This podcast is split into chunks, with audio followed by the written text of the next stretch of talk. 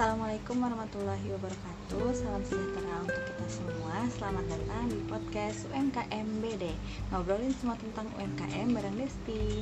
Di video kali ini saya akan menjabarkan mengenai perbedaan UKM dan UMKM Ayo teman-teman. Pasti masih banyak yang merasa kalau UKM dan UMKM itu sama ya kan? Ternyata berbeda loh teman-teman. Perbedaannya di mana? Dilihat dari kekayaan bersih atau aset dan dari omsetnya. Berdasarkan aset dan omset yang membedakan UKM dan UMKM tertuang dalam berbagai peraturan baik undang-undang, keputusan Presiden, Departemen Perdagangan Indonesia, dan juga Bank Indonesia yang menjelaskan tentang perbedaan tersebut. Kita mulai dari UKM ya teman-teman.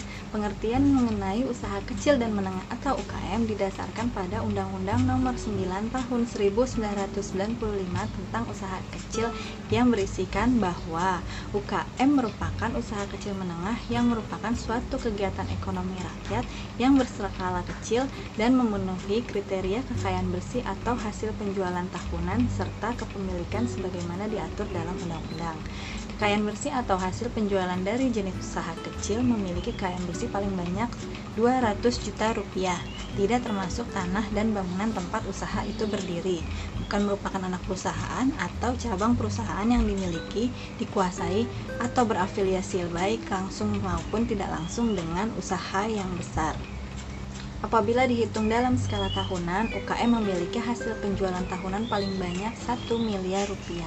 Selain menurut undang-undang, peraturan atau kriteria mengenai UKM juga dapat ditemui pada peraturan yang dikeluarkan oleh Bank Indonesia.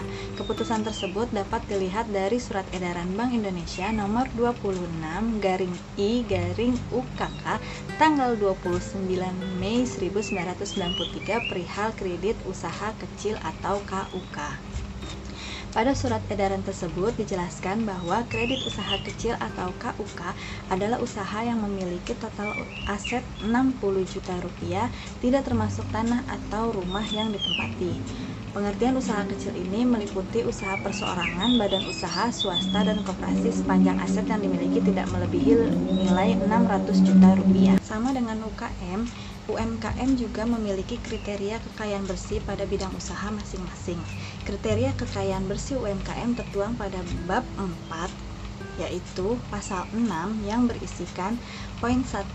Kriteria usaha mikro adalah sebagai berikut. Poin A, memiliki kekayaan bersih paling banyak 50 juta rupiah, belum termasuk tanah dan bangunan tempat usaha atau memiliki hasil penjualan tahunan paling banyak 300 juta rupiah. Poin 2, kriteria usaha kecil adalah sebagai berikut memiliki kekayaan bersih lebih dari 50 juta rupiah sampai dengan paling banyak 500 juta rupiah belum termasuk tanah dan bangunan tempat usaha atau memiliki hasil penjualan tahunan lebih dari 300 juta rupiah sampai paling banyak 2 miliar 500 juta rupiah. Poin ketiga, kriteria usaha menengah adalah sebagai berikut. Memiliki kekayaan bersih lebih dari 500 juta sampai dengan paling banyak 10 miliar rupiah, tidak termasuk tanah dan bangunan tempat usaha atau memiliki hasil penjualan tahunan lebih dari 2,5 miliar rupiah sampai paling banyak 50 miliar rupiah. Nah, demikianlah penjabaran saya mengenai perbedaan UKM dan UMKM berdasarkan kekayaan bersih dan omsetnya. Kalau teman-teman masih bingung, tulis di kolom komentar ya. Sampai jumpa di podcast UMKM BD selanjutnya. Ngobrolin semua tentang UMKM bareng Desti. Sampai jumpa.